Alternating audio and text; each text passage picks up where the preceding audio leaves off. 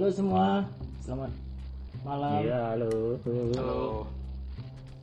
Selamat malam. Kembali lagi di podcast Batau Posisi Show.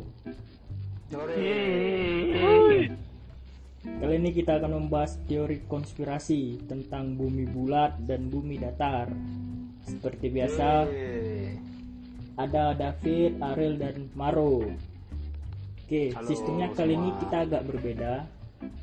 Kali ini kita seperti debat tentang teori bulat dan tentang bumi datar. Oke, langsung aja kita mulai. Oke. Oke.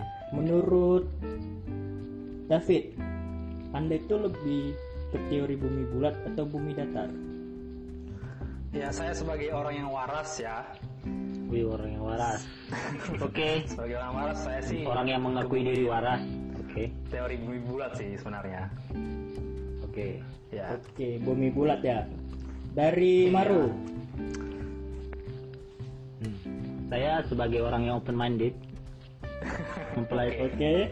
se- sedang mempelajari teori bumi datar yang di yang sedang marah-marahnya dipelajari bahkan para ilmuwan juga meneliti Berarti Ya. lebih ke bumi datar ya, Maru. Hah? Oke, ya, apa asumsi kalian begitu? Oke, silakan. Kalau dari saudara Ariel, Dari saya sih da- apa yang dikasih tahu dari guru-guru saya waktu SD ataupun SMP itu yang saya anut sampai sekarang. hmm. oke oke. Saya bertanya kepada saudara Maru dulu nih, yang berbeda dari yang lain. Kenapa Oke. Anda menganggap bumi itu datar? Oke, ya coba ya menjawab dengan um, mempertanyakan salah satu uh, fenomena gitu ya. Ya, oke. Contohnya, salah satunya kenapa uh, di kutub selatan itu tidak bisa dilewati katanya. Padahal harusnya misalnya kita menjelajahi eh, mau keliling dunia bisa lebih cepat kalau melewati kutub selatan. Yang kenyataannya itu nggak bisa karena di yang dijaga sama eh, tentara US. Kira-kira kenapa? Padahal harusnya kalau bumi itu bulat kita bisa melewati misal kalau dari kita mungkin eh, ke Amerika Indonesia mungkin jalur belakangnya itu mungkin lebih cepat tapi kenapa pakai jalur yang lebih lama kalau bumi itu bulat mungkin ada yang bisa menjawab dari pihak bumi bulat Tadi Oke. Maru bertanya, mungkin ada yang mau menjawab?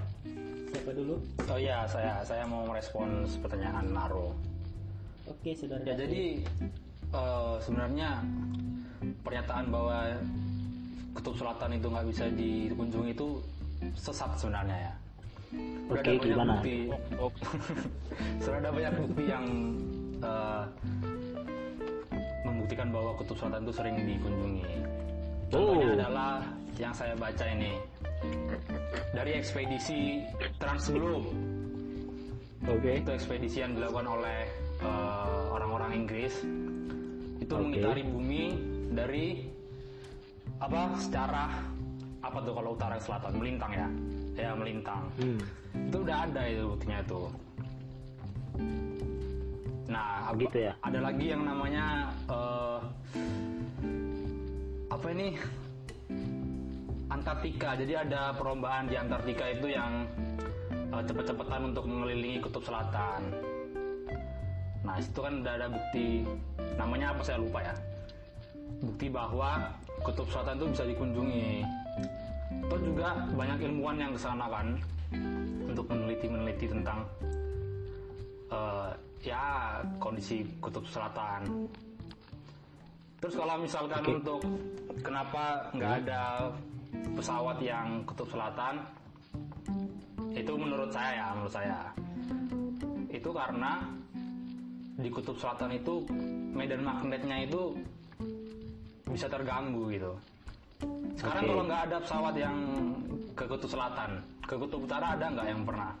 oke Kalau misalkan bumi itu datar, harusnya ada yang pernah juga kutub utara. ya Itu oke saya, coba tangga ya. Silakan. saya coba sanggah ya. Ah, memang benar ah, sudah ada yang ke berkunjung ke mau berkunjung ke kutub selatan. Tapi pada kenyataannya nggak ada yang melewatinya. Banyak data kayak membuat seperti ekspedisi atau perjalanan ke kutub selatan. Tapi cuman eh, berkemah di ujung-ujungnya doang tanpa melewati dinding dinding es itu. Pada kenyataannya banyak juga kayak pihak militer ah, sudah sampai ke sana tapi nggak mengabari apa yang setelah yang mereka lihat setelah melewatinya. Seperti dirahasiakan gitu.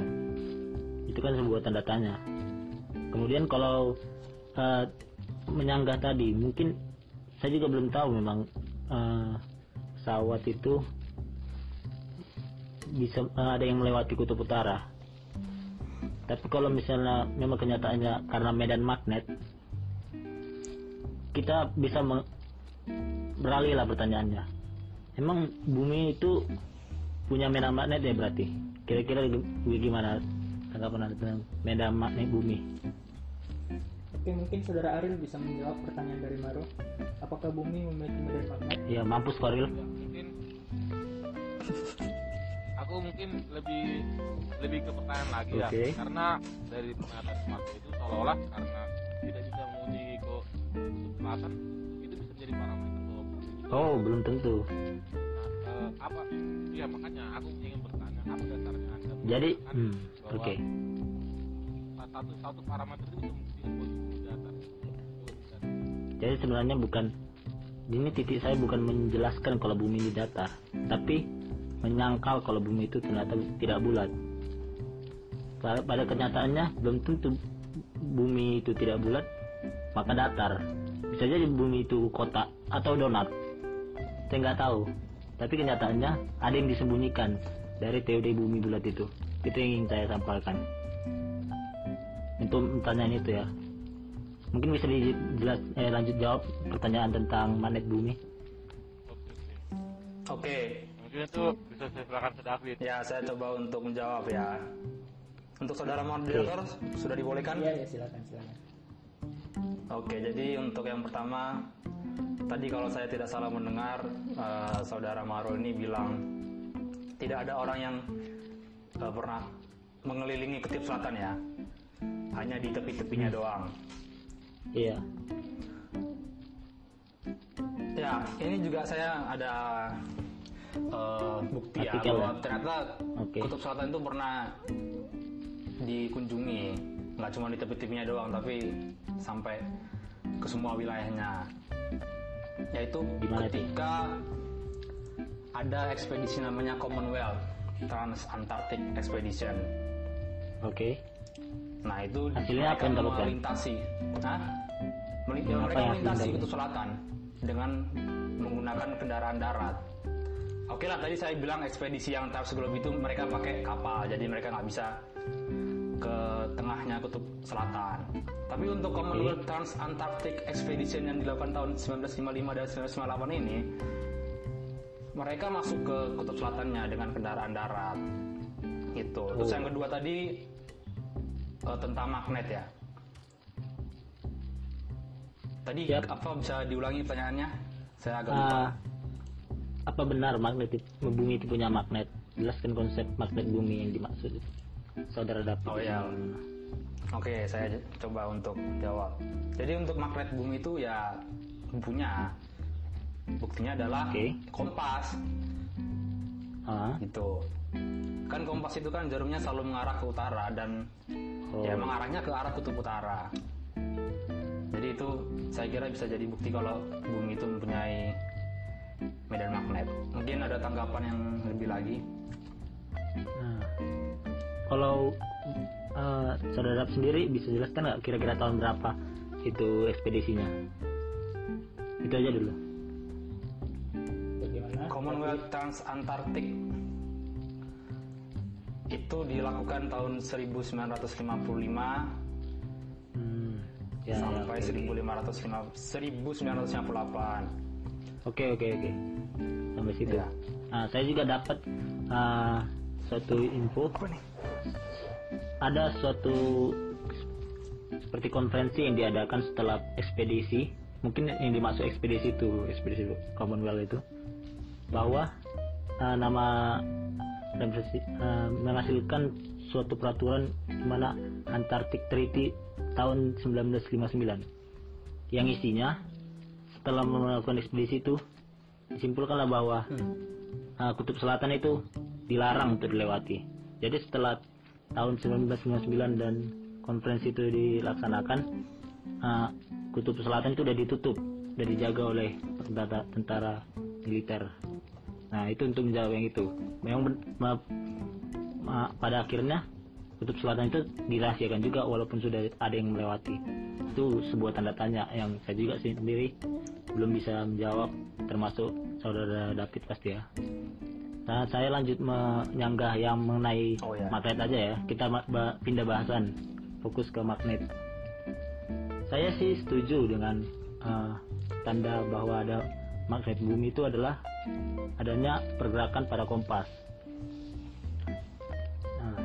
Namun saya bertanya, eh, magnet bumi benarkah mempengaruhi eh, benda lain selain kompas? Yang di mana magnet bumi itu katanya sama dengan teori gravitasi, di mana saya menganggap teori gravitasi itu sebenarnya tidak ada. Gimana bisa magnet bumi itu bisa menarik misalnya kita atau gajah ke pusat? Di mana logika magnet buminya itu? Mungkin bisa dijelaskan? Pada nangkep semua kan pertanyaannya? Saya boleh Iya, saya mau saya kurang nangkap saya. Maksudnya gajah Oh. itu gimana? Jadi gini, kalau saya sendiri percaya kalau magnet itu konsepnya adalah eh, tidak sembarang menarik. Karena pada awal ditemukannya konsep magnet itu adalah konsep eh, ada titik tolakan dan tarikan yang bisa menarik serbuk-serbuk besi dan juga besi-besi lain. Pada kenyataannya, benda-benda seperti manusia tidak memiliki eh, unsur-unsur magnet sedangkan kompas memang memiliki. Jadi per- titik pertanyaannya mungkin biar, biar lebih spesifik apakah saudara percaya dengan teori gravitasi seperti itulah yang kira-kira Oke, saya nih ya. ya bebas Ya kalau saya sih percaya teori gravitasi ya percaya. oke Tapi saya apa masih ap- belum apa bukti Oh, ya, teori gimana, gravitasi mungkin bisa dijelaskan sambil contohnya mungkin jika dikasih? Contohnya eh, saya kalau lompat jatuh lagi ke bawah. Terus hmm. air laut tetap di bumi. Tapi ini saya pakai asumsi bumi bulat sih sebenarnya. oke oke Terus eh, bumi mengelilingi matahari. Itu kan juga konsep gravitasi dari benda langit. Hmm. Oke, Iya, kita mungkin seperti itu. ke contoh-contoh bumi tadi itu, oke lah itu konsep gravitasi. Gimana anda menjelaskan tentang ah, balon yang terbang di udara?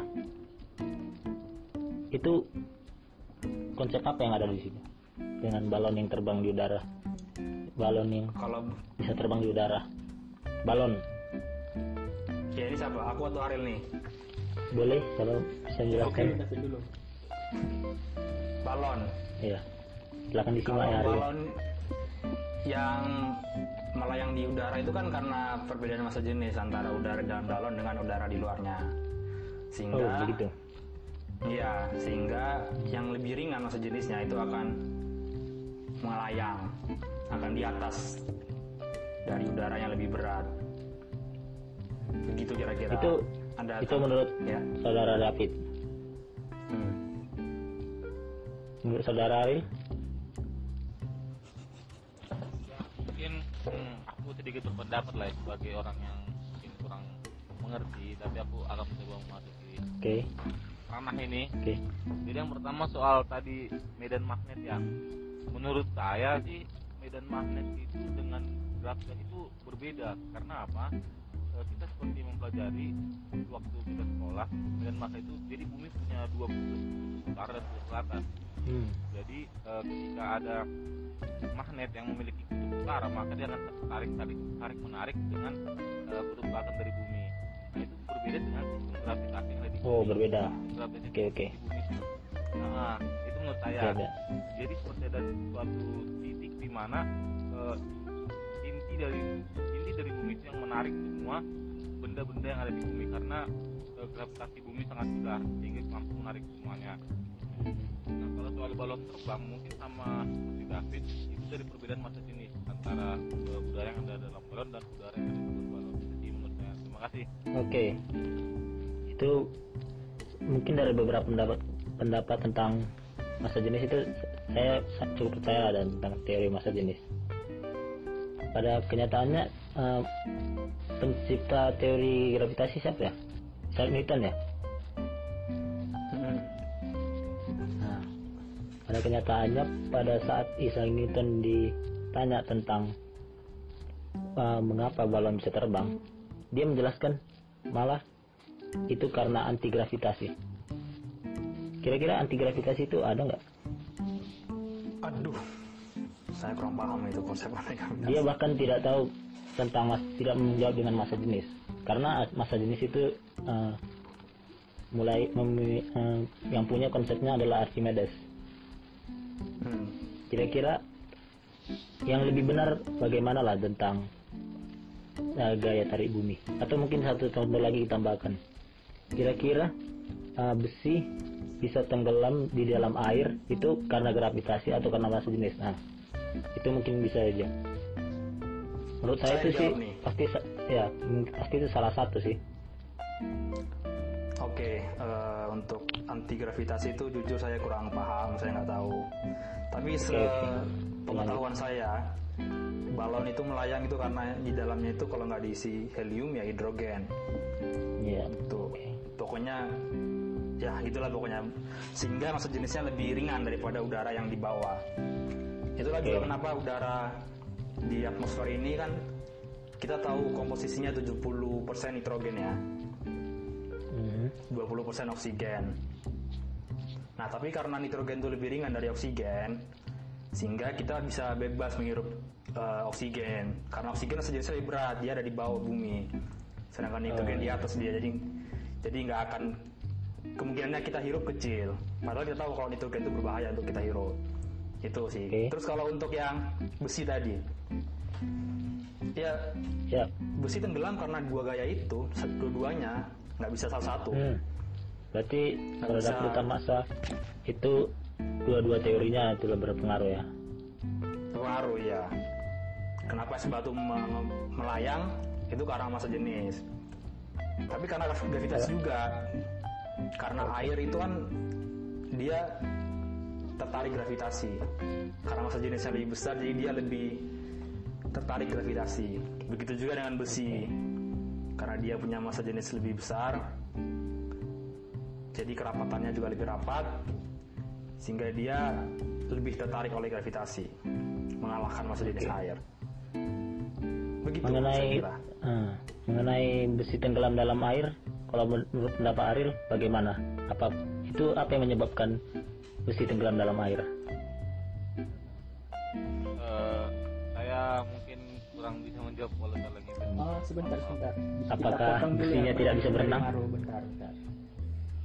Dari tadi kan pada telepon Anda dari Maru kok kan menyerang Maru saya ya Maru? mengungkapkan kalau bumi itu datar. Nah, mungkin dari pihak bumi bulat Oke. mungkin bisa menyampaikan pendapatnya Oke, bahwa bumi itu benar-benar bulat. Oke sampaikan Fit. sekarang Oke, saya oke. tanya sama saudara Marojahan. siap data pendukungnya oke Eh, Oke, begini. Kira-kira kalau bumi bulat, apakah bulan dan matahari itu juga? Eh maaf, kalau bumi datar, apakah bulan dan matahari itu datar? Itu dulu deh, sama. oke saya menjawab ya ah Ya. kalau menurut saya sih sebenarnya bumi ini belum tentu datar belum tentu bulat itu sebenarnya Oke, paling ya. intinya tapi kalau bumi ini bulat mungkin lebih besar lagi ternyata dari matahari. Itu yang saya yakini. Mungkin dia uh, bentuk uh, sebagian yang udah di, ada di peta itu adalah sebagian besar dataran yang ada di yang bisa kita uh, cakup. Pada kenyataannya ada beberapa ilmuwan yang telah menguji ternyata uh, ada fakta yang mencengangkan bahwa matahari ternyata dekat dengan bumi. Jadi dia memang berbentuk bola tapi jaraknya sangat dekat dengan bumi. Begitu juga dengan bulan. Jadi kalau pertanyaan apakah bumi itu uh, bumi, bulan dan matahari itu datar atau bulat, saya menjawab uh, kemu, uh, bulat. Bahwa bumi, bu, eh bulan dan matahari itu pasti bulat, bumi ada kemungkinan bulat tapi belum tentu ukurannya oh berarti anda meragukan kalau bumi itu bulat ya, ya. tidak percaya 100% berarti anda juga meragukan oke ya gimana Wil? bukan dia meragukan bahwa bumi itu sebenarnya bukan datar juga tapi ada kemungkinan ya bulat ya begitu kan saudara? Iya. berarti anda sini nggak dengan ukuran yang lebih besar. Jadi Nah, kita kan nggak bicara ukuran kita bicara bentuk. Uh, bentuk. Iya iya benar. Ya jadi ada juga kemungkinan bumi itu ternyata uh, donat itu ada kemungkinan itu bagi saya ya pokoknya kepercayaan anda terhadap bumi bulat ini nggak 100% gitulah ya oke Nggak besar iya juga benar gitu ya iya hmm. Oke, sebentar. Saya ada Perjalanan. pertanyaan kepada saudara Maru nih. oke Iya, Kalau silahkan memang bumi itu datar, terus apakah rotasi bumi itu rotasi planet itu ada atau enggak? Kalau anda berkata bumi itu datar, Nah, itu pertama kita tahu kalau bumi bumi itu bulat eh bumi itu bulat itu kan dari konsep Galileo. Kita tahu kan Galileo. Nah, kita yang kita tidak tahu dari Galileo itu adalah konsepnya itu ternyata ada yang nggak bisa dia buktikan yaitu stellar parallax. Stellar parallax. Nah, apa itu? apa itu Uh, stellar parallax itu adalah metode uh, menghitung sudut sudut perpindahan dari uh, bumi terhadap bintang-bintang. Jadi konsepnya itu gini, dia meneropong bin- dua bintang, satu bintang sebagai acuan, lalu bintang yang lain uh, yang dinyatakan berpindah. Jadi ibaratnya ada dua bintang yang dilihat dari bumi, tapi di- dilihat uh, setiap berapa jangka waktu, mungkin satu tahun, apakah posisinya berubah atau tidak? Karena dari uh, jarak dan posisinya itu bisa ditentukan seharusnya um, bumi itu berpindah atau enggak. Pada kenyataannya dia tidak bisa membuktikan. Nyatanya uh, bin- rasi bintang itu selalu tetap, maksudnya polanya tetap. Di mana harusnya kalau bumi itu eh bila bumi itu ber- berpindah harusnya rasinya ber- eh, berubah-ubah. Karena pada beberapa eh, data memang Galileo nggak bisa membuktikan yang satu ini stellar parallax maka dia pada akhirnya dia dihukum dengan proses dia dihukum secara politik. Karena dia eh, karena teorinya dibantah oleh orang-orang yang nggak terima dengan teorinya. Di mana diberitakan dia kan dibantah secara sains kan. Padahal dia dibantah secara politik karena dia mengeluarkan surat pemberontakan di mana teorinya disalahkan. Jadi menurut saya kalau bumi itu rotasi kan eh, cuman perkara data yang didapat dari NASA.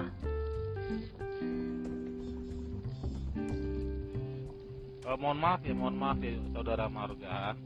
Mungkin dari jawaban Anda tidak menjawab pertanyaan dari saudara Jolin menurut saya ya. ya menurut anda Karena Anda berkata dari teori Galileo tentang eh, apa data teorinya, tapi itu nggak menjawab tentang bagaimana sih eh, bumi itu bisa berrotasi ya.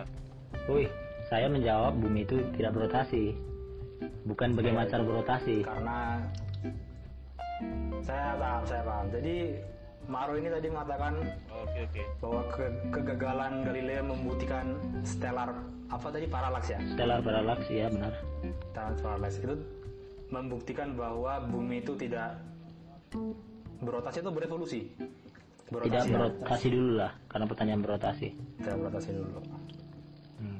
jadi Tapi tidak sebenarnya matahari hmm. tidak membuktikan apa tidak mengetahui bentuk bumi dari Iya. stellar, stellar paralaks itu ya cuman secara parallax itu cuma metode apakah bumi itu berpindah atau tidak. Cuman metode itu. Berpindah terhadap bintang-bintang atau bintang-bintang yang berpindah terhadap bumi. Cuma membuktikan itu. Oke, mungkin saya bisa kasih tanggapan. Tapi ini menurut saya, saya nggak tahu aslinya gimana. Itu kan oke. kalau nggak salah Galileo itu kan abad ke-16 ya. Siap 16 15 Abad ke-16 atau abad ke-15 saya nggak tahu. Sedangkan pada waktu itu tuh kita belum menemukan yang namanya galaksi Bima Sakti. Konsep galaksi belum menemukan. oke Kita yang kita tahu tuh hanya ya sekedar benda-benda langit yang kita lihat bahwa tata surya kita ini sebagai sumber inilah alam semesta lah. iya Nah, ada kemungkinan bahwa bintang-bintang yang dilihat oleh Galileo itu juga berotasi menurut apa perputaran perputaran apa tadi? Galaksi Bima Sakti kan galaksi Bima Sakti kan juga berotasi juga kan? Oke. Nah, itu konsep dari NASA ya? Iya dari ilmuwan yang saya baca. Oke. Nah mungkin itu karena Galileo belum memahami konsep eh, bahwa bintang-bintang juga berotasi mengelilingi inti galaksi, jadi dia mungkin eh, ada kekurangan data seperti itulah yang saya bilang Iya. terhadap datanya. Terus untuk menanggapi bahwa dia dihukum itu sebenarnya kalau se yang saya baca ya itu dia dihukum sebenarnya karena konsep bumi mengelilingi matahari. Dia mengatakan bahwa bumi mengelilingi matahari, tetapi eh, gereja pada waktu itu tidak percaya. Mereka mempercayainya bahwa matahari yang mengelilingi bumi. Nah, karena perbedaan pandangan itulah kenapa kemudian Galileo ini dihukum, dipaksa untuk eh, membatalkan apa teori-teorinya yang heliosentris itu. Iya. Itu setahu saya. Tapi saya kira sih bumi itu berotasi dan berevolusi. Galileo juga mengatakan bahwa bumi itu berevolusi kok terhadap matahari. Seperti itu. oke oke Bagaimana? ini mau uh, Iya, saya, saya sebenarnya uh, ini mau pihak Bumi Gula bertanya lagi atau saya diizinkan untuk bertanya? Oh, saya mau nanya lagi. Oke, Saya mau bertanya seperti ini. Kalau bumi itu tidak bulat, mengapa ada eh, mengapa di kutub utara dan kutub selatan itu bisa mengalami siang hari selama satu hari penuh? Bukankah itu lebih masuk akal bahwa bumi itu bentuk bulat? Karena kutub selatan tidak berotasi, tidak ikut berotasi karena dia akan mengalami apa menerima cahaya matahari terus menerus. Nah kalau misalkan bumi itu nggak bulat, bagaimana bisa di kutub utara dan kutub itu selat, kutub selatan itu nggak apa mengalami siang seharian? saya, Mungkin iya pendapatnya sayang. Bu Maru. Oke. Jadi kalau mungkin yang belum tahu peta bumi datar itu uh, gimana bentuknya, mungkin bisa dilihat. Saya juga baru-baru lihat sih sebenarnya. Dan memang peta bumi peta bumi datar itu sudah lama adanya. Nah, jadi bisa dilihat dari situ uh, mengapa matahari pada kutub utara uh, bisa berlangsung lama bisa dilihat sendiri karena rotasi konsepnya itu rotasi mm, eh revolusi matahari itu berada di dekat kutub utara. Jadi memang kutub eh, matahari itu berada dekat dengan matahari. Jadi walaupun berputar putarannya kecil. Jadi dia tetap bisa melihat matahari pada saat pada titik-titik pada tiap pergerakan matahari. Makanya jadi satu hari penuh itu karena itu. Lebih lama lah dia jarak. Eh, lebih lama perputarannya revolusinya terhadap bumi sedangkan di kutub selatan di- lebih kan jadi lebih gak ada apa mataharinya karena lebih jauh dari matahari. Tapi kenapa di kutub selatan juga mengalami 24 jam siang dan 24 jam malam? iya pak. Kadang di kutub utara, iya. oh belum tentu sih. Kadang karena di kutub utara. kita sebenarnya harusnya mengeliminasi konsep kutub selatan ya karena siapa yang pernah melewati kutub selatan yang mengatakan itu? Iya, saya sih oh anda baca dari oh, buku sih. oh baca buku oke mungkin saya juga nggak bisa jawab karena saya juga nggak tahu ada orang yang menceritakan di kutub selatan ya begitu adanya sebenarnya kalau saya diizinkan bertanya saya mau lanjut pertanyaan tentang Oke ya. bumi dan matahari tadi posisinya gimana Oke, lanjutan dari dulu, Galilei Maro. tadi Ditahan dulu. oke oke Mungkin dari saudara Ariel, apakah ada pertanyaan terkait konspirasi hari ini? ya mungkin saya ingin bertanya sih kalau misalnya eh, bulat bagaimana bisa anda menjelaskan tentang perbedaan waktu di tiap-tiap wilayah gitu. Oh, perbedaan waktu maksudnya siang dan malam gitu ya. kalau berbeda di tiap wilayah Selalu berbeda jamnya gitu atau gimana? Adanya Ya, oke lah, perbedaan ya. waktu. Ya. Itu tadi konsepnya. Konsepnya dipakai matahari mengelilingi bumi. Walaupun bumi nggak eh, bumi nggak mengelilingi matahari, tapi kalau pakai konsep matahari mengelilingi bumi, kita bisa terjadi per- per- perubahan dan perbedaan eh, waktu di tiap-tiap tempat. Kan yang ber yang berbeda itu kan jarak apanya matahari yang neri- yang diterima sama daerah itu ya. Itu yang membuat beda. Nggak ada nggak ada pengaruhnya kalau bumi itu bulat pun uh, perbedaan posisinya gimana ya? Perbedaan mataharinya gimana dan waktunya? Bumi bulat juga bisa pakai konsep perbedaan waktu. Kalau bumi datar. Atau lebih tepatnya saat matahari mengelilingi bumi juga konsepnya sama. Bisa melihat per- per- perbedaan siang dan malam. Bagaimana Ariel? Apakah ada tanggapan? Oke, silakan Maro. Pertanyaannya tadi. Oke, saya coba coba lanjut ya tadi mengenai konsep um, bu- lo- bumi bumi bulan dan matahari. Sebenarnya ini juga sebagai satu pertanyaan. Apakah data-data ukuran jarak dan kecepatan matahari itu benar? Karena yang menyatakan itu cuma dari NASA sebenarnya dan beberapa il- ilmuwan yang memperhitungkan. Lebih tepatnya mungkin uh, Ya, bisa ya benar. ya mungkin bisa dijelaskan bagaimana cara uh, gerhana itu terjadi dengan perhitungan-perhitungan fisika. Apakah uh, NASA mempunyai data untuk dan rumus untuk menghitung itu? Di mana dengan memasukkan data-data ukuran matahari kecepatan revolusi apakah uh, NASA punya rumus untuk menghitung uh, gerhana kira-kira Oke, saya pendapat coba kalian? jawab Oke. ya. oke Tapi saya mau bertanya dulu sebenarnya. Berarti siap. Bung Maro ini percaya kalau gerhana itu terjadi ya? gerhana terjadi benar gerhana bulan dan gerhana matahari. Hmm. Oke, kalau saya ditanya tentang perhitungan menghitung gerhana sih saya jujur saya nggak tahu cara menghitungnya gimana. Tapi mungkin Bung Maru tahu. Tapi gini Bung, kalau misalkan bumi itu nggak bulat, bagaimana bisa gerhana itu terjadi?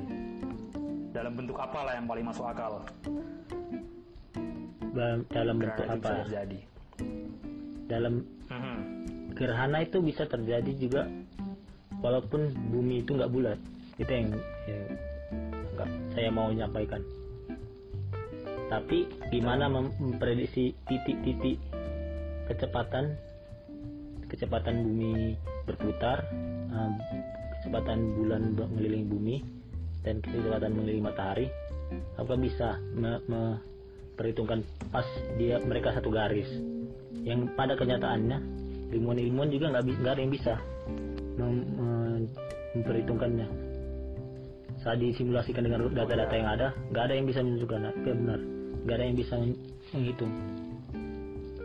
Itu juga menjadi sebuah tanda tanya. Mungkin ini Lalu dari mana mereka bisa memprediksi gerhana matahari kapan terjadi? Nah, ini mungkin nggak nggak usah lanjut, saya lanjut tanya ya, mungkin sama-sama nggak tahu kita mengenai rumusnya. Tapi kenyataannya yang perlu kita tahu, NASA itu memakai data data rutinan lah yang ada pada metode yang dimiliki kerajaan Babilonia dulu, pakai metode Saros namanya, mungkin bisa dicari. Jadi eh, ada rutinan gerhana lah yang apa yang diambil di situ itu yang dipakai pihak NASA untuk menentukan gerhana-gerhana yang akan terjadi uh, beberapa tahun ke depan. Jadi bukan mengenai pakai perhitungan, tapi memakai metode rutinan dari metode Saros dari beberapa tahun yang lalu. Kenapa uh, NASA nggak bisa membuat perhitungannya? Padahal mereka tahu uh, kecepatannya, ukurannya, itu kan sebuah menjadi sebuah tanda tanya ya. Kalau menurut saya ya mungkin ya, Oke. saya nggak tahu perhitungan yang pakai NASA, tapi saya yakin kalau ilmuwan-ilmuwan astrofisika, astronom itu salah satunya NASA itu punya perhitungan. Dan kebetulan bangsa Babilonia pada saat itu juga dia tidak pakai perhitungan, dia hanya apa namanya ya melihat pola-polanya Iya. berapa tahun sekali terjadi hal seperti ini. Nah kebetulan perhitungan yang dipakai oleh NASA kalau ada saya nggak tahu dan yang di yang dicatat polanya oleh bangsa Babilonia itu serupa. Nah seperti itu kalau menurut saya. Tapi saya yakin pasti ada astro astronom atau astrofisika yang bisa menghitung memprediksi kapan gerhana akan terjadi dari hitung-hitungan entah gerak revolu, kecepatan revolusi bumi, kecepatan revolusi bulan, Ya, ya. itu. Saya yakin bisa itu. ya. Meskipun saya saya hargai uh, ke- keyakinan saudara. Saya juga pernah bertanya ini dengan- kepada Sa- uh, grup-grup konspirasi tentang membahas ini, grup-grup astronom lah yang membahas ini. Nah, jawabannya sama. Mereka meyakini uh, pihak NASA mempunyai rumusnya walaupun nggak ada ditampilkan. Mereka uh, berdalih ya kalau mereka punya rumusnya kenapa harus ditunjukkan nih pasti mereka punya lah gitu ada ada yang membuat kan pernyataan itu pendapat mereka bukan pendapat saya. ya ada yang bilang begitu jadi Jadi mungkin sama-sama berpikir lah kalau NASA itu jujur kenapa mereka menyembunyikan data-datanya? Itu mungkin sama-sama berpikir gitu ya. Aku juga nggak tahu sih alasannya. Nggak bisa berasumsi juga alasannya kenapa. NASA menutup menutupi data-data rumus-rumus seperti itu. Apa mereka malu? Aku juga kurang tahu. Malu tidak bisa menghitung. Oke oke. Oke saya mau nanya ke Maro Bejan boleh nggak Bung Dolin? silakan silakan. Sebentar, saya saya dari silakan saudara. Ariel dulu mungkin apakah ada pertanyaan Oh iya kasihan Ariel. atau tanggapan Eh, kalau saya nggak ada- belum ada sih masih memahami oke kita lanjut ke David lah bagaimana David Oke. Saya mau nanya ke Maro nih. Oke. Ini kita eh, bukan urusan yang ini ya, yang untuk membuktikan apa bumi itu bulat atau datar, Oke. bulat atau nggak bulat. Tapi kalau misalkan bumi itu nggak bulat, apa Ya. tujuan dari seorang ilmuwan atau NASA itu memberitakan bahwa bumi itu bulat? Tuduhan atau tujuan Tujuan, tujuan. tujuan. Menurut saya berarti Mhm. apa tujuannya? Iya, Ah, menurut saya sih ah, seperti ini. Ah, saya kita tahu ah, badan perusahaan yang paling besar mengenai sains itu sekarang itu NASA ya. Dan NASA itu punya dana-dana untuk em, menjalankan kegiatannya itu sangat besar. Proyek triliunan lah itu istilahnya. Jadi menurut saya eh, mereka membayar ilmuwan-ilmuwan besar untuk ya untuk menyebarkan data-data yang salah ini dengan mem- membuat supaya mereka itu terlihat hebat. Jadi perusahaannya makin naik makin naik gitu. jadi menurut saya sih mulai urusan bisnis sih mungkin. Mereka me- menutupi kebenaran-kebenaran dengan data-data yang sebenarnya bukan mereka sengaja. Cuman mereka lagi berusaha dan belum bisa mem- membuktikan ah, data-data yang akuratnya. Cuman masih me- yang saya sayangkan itu data-data yang belum akurat itu diajarkan ke kita itu yang saya saya sayangkan kenapa diajarkan ke kita dari sejak kecil Kalau untuk menunjukkan bahwa mereka itu hebat, apakah dengan menunjukkan bahwa bumi itu bulat lebih hebat daripada menunjukkan misalnya bahwa bumi itu datar? Karena saya kira nggak ada nggak ada perbedaan ya, sama-sama hebat apa yang pun yang mereka temukan. Entah bumi itu bulat, entah itu bumi datar. Oh jadi saya yang saya tangkap sih ah, oke lanjut. Ya gimana? atau saya lanjut oh, yang saya tangkap sih mereka itu membuat asumsi-asumsi yang Nah, jadi mereka berpikir membuat asumsi-asumsi yang paling mudah lah diterima untuk kita. Jadi dibuatlah Kalau dengan bumi datar itu kan paling mudah juga. Ah, rumit di bawah bumi datar ada apa itu kan kita nggak tahu aku juga nggak bisa menjelaskan apa di bawah bumi datar sedangkan bumi bulat itu sangat mudah dicerna oleh oleh anak-anak di mana bumi bulat Oh, enggak. dikelilingi ya jadi memudahkan eh, untuk ditangkap lah menurut saya Loh kalau bumi bulat itu lebih mudah ditangkap, kenapa zaman dulu kita masih percaya bahwa bumi itu datar? Kan lagi nggak nggak ini, nggak konsisten. bumi Justru datar karena Hah? bumi itu bulat itu sulit dipahami, maka kita mencari kebenarannya. Kalau berdasarkan apa yang kita mudah pahami, bumi itu datar dari apa yang kita lihat. begitu Mm-mm. Jadi saya kira juga nggak ada tujuan sih kalau ilmuwan ini membohongi. Toh juga ilmuwan ini kan Ada. saling menyalahi kan mereka prinsipnya. Jadi kalau konsep Saling yang tujuan mengoreksi. tujuannya memang susah sih dicari. Sebenarnya konspirasi ini belum tentu ada tujuannya gitu ya. Kita bahas konspirasi ini. Ya seperti itu kan. Ya, kecuali kalau COVID-19 itu kan ya ada tujuannya lah ya, jelas itu. Kalau misalkan jadikan konspirasi. Oh iya kalau saya sebelum bulat belum nih, ya gimana? saya uh, na- uh, nambahin ya yang sebelum kelewat mengenai konsep bumi dan bulan hubungannya itu bumi dan bulan itu bu, planet dan satelit ya kan Hmm. katanya satelit juga ada di- dibuat oleh NASA dan jumlahnya sangat banyak ribuan malah di angkasa kira-kira menurut kalian ribuan satelit di angkasa itu kenapa tidak bisa ditangkap oleh teleskop? Apakah NASA berbohong dengan satelit itu? Karena memang benar nggak ada yang bisa ditangkap oleh teleskop. Coba saudara Ariel dulu. oke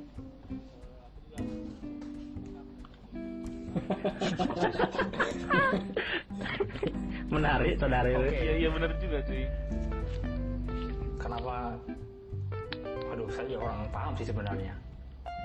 Mungkin gini yang menurut saya, bagaimana satelit itu kan dia nggak bisa memantulkan cahaya atau menghasilkan cahaya sendiri ya. hmm, Kalaupun bisa dia energi yang untuk sampai ke mata kita ini kurang karena kecil sekali pasti. Nah mungkin dari situlah kita nggak bisa mengamati dengan teleskop. Toh juga kan teleskop fungsinya untuk mengamati bintang. Bintang itu kan ya. dia menghasilkan cahaya sendiri, makanya terang. oh tapi Tapi saya juga kurang planet tahu. Toh juga kan satelit juga kecil kan dibanding bulan. oh makanya ya tidak bisa ya, diamati. ya. Kalau bulan kan dia juga Iya. ditambah bisa memantulkan sinar matahari, makanya pakai mata terancam pun bisa di dilihat. Kalau satelit ya nggak bisa. Tapi kita bisa melihatnya dari foto yang diambil oleh satelit tentang bumi. Banyak tuh di internet foto-foto real time tentang bumi. Itu kalau nggak diambil satelit, siapa yang siapa yang moto? Alien kan? Ya nggak tahu ya. foto-foto dari Google ya yang si yang diedit itu Enggak, foto-foto dari website oh langsung live live ya websitenya ini Ah, website NASA atau websitenya ya seperti itu jadi saya tangkap satelit itu nggak bisa di kita lihat karena tidak bisa menghasilkan cahaya sendiri. Lalu kalaupun mengenai konsep pemantulan cahaya, kan kita bisa melihat planet-planet tanpa menghasilkan cahaya sendiri. Tapi saudara David Iya. bilang karena karena ukurannya kecil. Oke, berarti kesimpulannya berarti karena kecil dan dia bisa menghasilkan cahaya sendiri. Oke, oke, oke. Ini pos- saya posisinya lagi setuju nih. Saya dibantah lagi. oke Oke oke. Tapi sel- jadi selan- seperti itu ya gimana gimana ini terakhir tapi pada kenyataannya Google Map itu tidak memakai satelit. Itu mungkin yang kalian belum tahu. Bisa dilihat sendiri tentang Ya. penjelasan Google Map. Google Map itu nggak tidak memakai satelit ya mereka, tapi menggunakan tower-tower yang ada di bumi. Itu gimana nggak anggaran? peduli Apakah mau dia pakai satelit mau dia nggak pakai satelit nggak bisa membuktikan bahwa bumi itu nggak bulat. Bukan bukan. Satelit itu ada atau nah, tidak? gimana gimana? Satelit itu ada, tidak? Oh, jadi ada. kon- koneksinya gini satelit itu ada tidak lalu mer- merembes ke NASA itu jujur atau tidak? Pada kenyataannya Google Oh, Maps gitu. Google Maps tidak memakai satelit. Tidak. Tapi memakai tower-tower yang ada di Iya. bumi. Kira-kira ya oke lah. Misal misalkan benar Google Maps nggak pakai satelit. Tapi bagaimana Iya, dengan eh, gambar yang ditangkap dari luar angkasa secara real time? Nah apakah Itu bisa penjelasannya- itu? Itu penjelasan eh, luar angkasa ya? Itu diedit sih saya tangkap. CGI tapi kalau bisa mengenai dong. Jadi dong. Jadi dong. ya, ya, Tapi gimana, kalau gimana? penjelasan tentang pemetaan mengenai satelit, nah itu mungkin agak berat. Tapi kemarin sudah saya temukan ternyata itu pakai drone juga ternyata, bukan memakai satelit. Jadi drone yang diterbangkan tidak melewati luar angkasa, lalu di, di eh, direkam lah atau difoto untuk pemetaan secara peta Google Map yang ada di Google Map. Ternyata demikian, pakai drone ternyata, bukan kerja satelit. Iya, tapi kalau untuk foto bumi sendiri pakai drone apakah bisa? Tidak, belum ada. Belum ada sih. Belum ada ya. Itu saya kira menjadi bukti kalau bumi itu eh bumi lagi. Apa namanya satelit itu ada ya. Hmm, ya. Terus kenapa waktu itu roket-roket dikirimkan itu ke mana itu arahnya kalau misalkan itu kan tujuannya kan untuk mengirim satu luar angkasa untuk memperbaiki satelit kan atau mengirim astronot ke satelit. Mhm. Terus tujuannya ke mana itu kalau roket-roket yang diluncurkan itu kalau misalkan nggak ada satelit? Tujuannya untuk meledak di angkasa. Oh enggak enggak. Menurut saya sih itu semuanya nggak ada yang sampai sih. Karena ada saya belum sampai. tahu sih. Mungkin bisa nanti dikasih referensinya di mana eh, penerbangan yang benar-benar dari awal sampai akhir direkam tanpa ada yang Oh, unsur Apollo. CGI. Oh, kita berarti masuk ke masuk ke kasus NASA Hollywood ya. Yang katanya Nah, memang banyak sih bukti-bukti. NASA itu merekam. Moderator gimana moderator? Ya, Apakah ini kita udah sampai kapan sampai?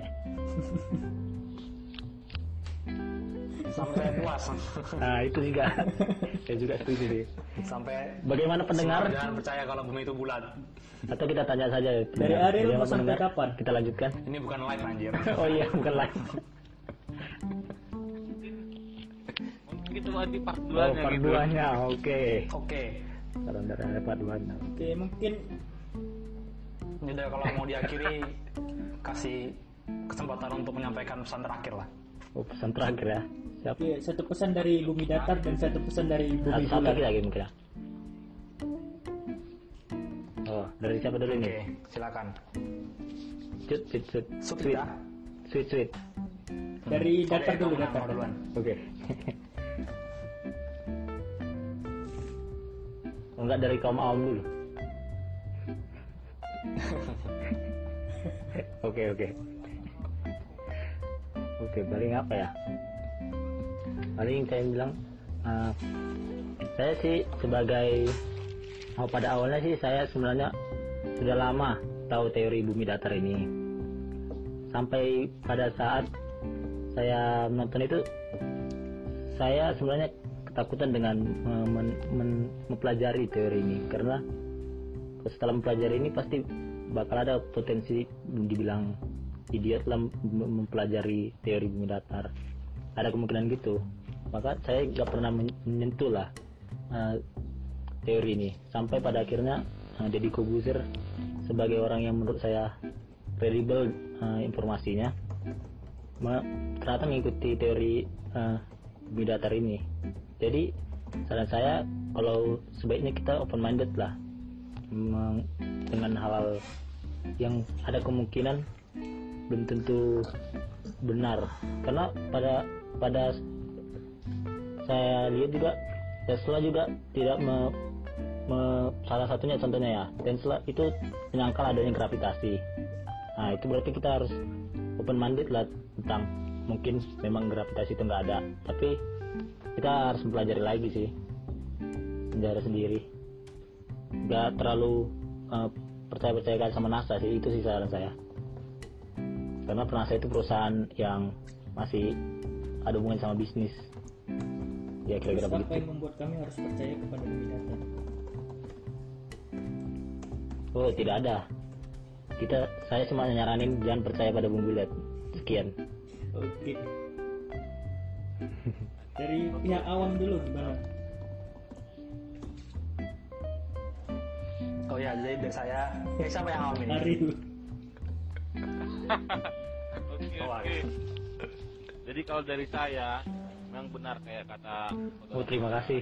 open minded, tapi jangan sampai eh, karena kita terlalu open jadi kayak Jerings ya?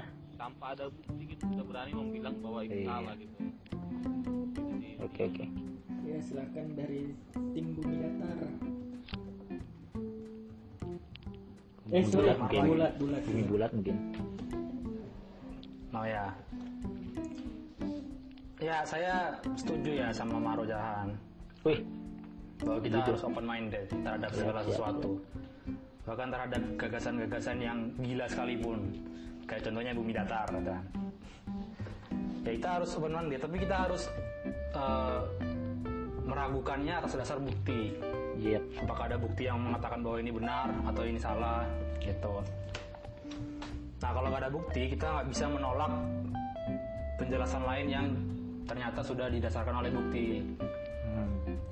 Setuju setuju kalaupun kita nggak bisa menyediakan bukti kita setidaknya bisa percaya terhadap salah satu metode yang membuat peradaban kita maju yaitu salah satunya adalah sains bukan salah satunya ya satu-satunya oke Sains ini kan metodenya kan dia kan sangat ketat ya, dia saling menyalahkan dari dalam. Tapi karena hal itulah kita kemudian bisa mengetahui kebenaran manakah yang lebih layak untuk diakui. Jadi saya kira meskipun kita tidak bisa membuktikan, oh, kita nggak bisa keluar angkasa untuk membuktikan bahwa bumi itu bulat, tapi kita bisa memilih salah satu penjelasan yang sudah terbukti kebenarannya. Coba kita lihat Iya. berapa banyak kebenaran yang telah dilahirkan oleh sains. Kesalahan ada tapi lebih- jauh lebih banyak kebenarannya. Jadi saya kira nggak ada salahnya kita mempercayai metode yang dihasilkan oleh sains. Ya itu yang bisa saya sampaikan Oke, mungkin sekian dulu kali ya pembicaraan kita kali ini. Kayaknya seru sekali ya pembicaraan kita malam ini ya. oke. Kayaknya apakah bakal Iya. berlanjut nih? Iya. Atau tahu di kali ini aja? penonton ditunggu aja. Oke, semoga. Iya. Semoga kita semua lolos dari Ya. covid. Untuk membuat mungkin podcast selanjutnya. selanjutnya kita membahas kons- konspirasi covid ya eh, kita akan mungkin mengundang Jerings juga nggak sih iya Bisa bisa. aduh jangan dikasih tahu spoiler ngundang jangan Jerry. spoiler. Jangan langsung dikasih tahu, David. oke oke jangan didengarkan ya Oke, Oh, iya, dulu ya podcast kita kali ini. oke Semoga bermanfaat ilmunya. oke See you. Dadah. dah